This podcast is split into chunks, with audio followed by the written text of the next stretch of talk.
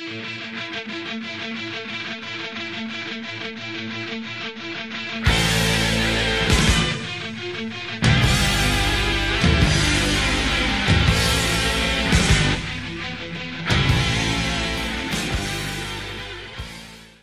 og velkommen til vår podkast 'Psykologi og fremspråk'. Den eneste podkasten i verden på 21 språk med tysk aksent. Jeg heter Gerhard Aaband. Jeg er psykolog, bokforfatter og tysklærer. Denne podkasten hjelper deg å forbedre språkferdighetene dine, uansett om du er nybegynner eller profesjonell. Jeg er ikke ekspert på norsk. Du har selvfølgelig allerede forstått dette. Vær tålmodig med meg. Men jeg lover at jeg skal bli bedre med hver nye episode. Hvis du har oppdaget denne podkasten akkurat nå, kan du sjekke ut de siste episodene først. Kvaliteten vil være mye bedre enn i det første. Temaet for dagens episode er dette. Hvorfor dette er et dumt spørsmål. Hvor lang tid tok det å lære et fremmedspråk? Jeg håper at du ikke gikk glipp av vår siste episode, Kraften med å bremse. Du kan finne alle podkastepisoder i arkivet vårt. Hvis du vil høre på denne podkasten på et annet språk, gå til hjemmesiden vår, thegomethod.org.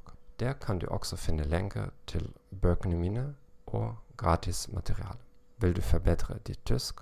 Bare send meg en e-post slik at du kan tjene på en gratis konsultasjon.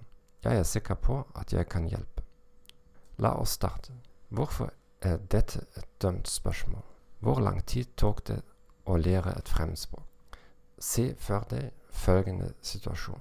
Du møter en utmerket fotballspiller, eller en tennisspiller, eller basketballspiller, eller en kjent gitarist.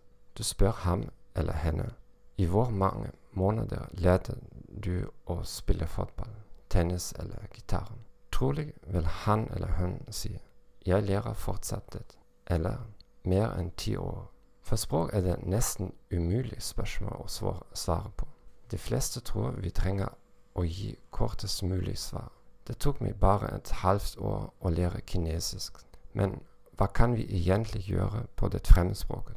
Språkprestasjonene våre er alltid knyttet til visse aktiviteter, også på morsmålet vårt. En bedre måte å måle tiden det tok oss å lære et språk, er å lage en tidslinje med milepæler.